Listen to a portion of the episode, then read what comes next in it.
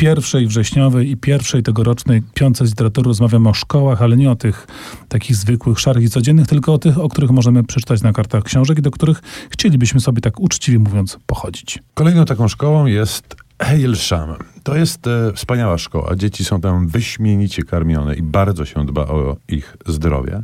Mm, ćwiczą, uczą się, warunki są absolutnie wspaniałe. Wychowawcy bardzo dobrze przygotowani. No, żyć, nie umierać. Ty nie czy z jakiegoś folderu reklamowego przypadkiem? Tak, to tak rzeczywiście brzmi. To szkoła ze książki Nie opuszczaj mnie, Kazuo Ishigure. Czyli naszego świeżutkiego jeszcze noblisty.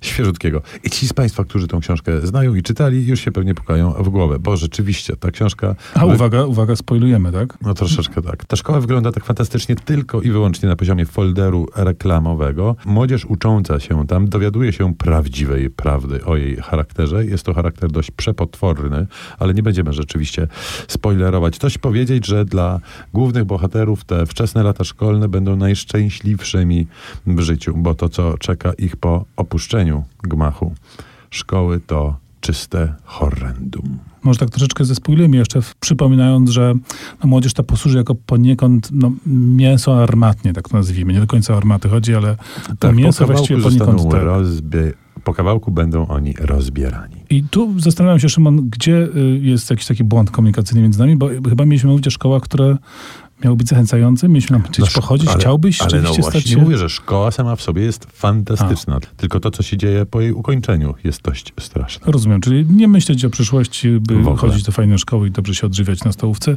No nie wiem.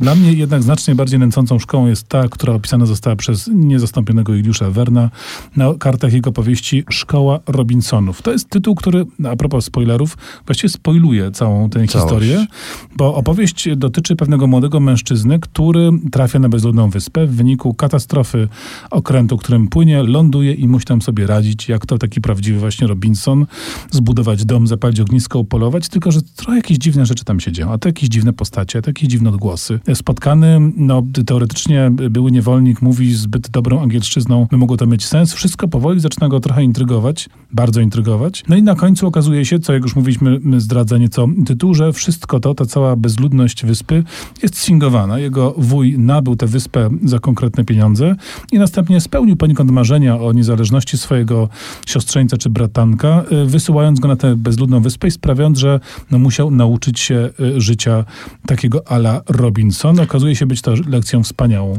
No właśnie, bo do takiej szkoły to ja bym z przyjemnością poszedł na jakieś studia podyplomowe, wyrównawcze, czy chociażby na jedno króciutkie szkolenie. Jakieś stypendium może by się przydało, żebyśmy tak na pół roku o, sobie o, mogli wyskoczyć, o, prawda? O, o, i, i rzeczywiście spokojnie na wyspie być. I wydaje mi się, że tak w ogóle, żarty na bok, jest to znakomity pomysł, żeby szkoły jednak miały charakter jak najbardziej praktyczny, bo myślę, że z czego jak z czego, ale na przykład z przyrody, w sensie biologii, zoologii i pokrewnych, no to bohater tej książki był naprawdę świetny. Oby tak się kiedyś stało, póki co szkoły trzymają uczniów uwięzionych w swoich murach i stąd właśnie rodzą się takie utwory pełne buntu i zniechęcenia do tych instytucji jak Another Brick in the Wall. Oczywiście Pink Floyd, oczywiście z filmu The Wall.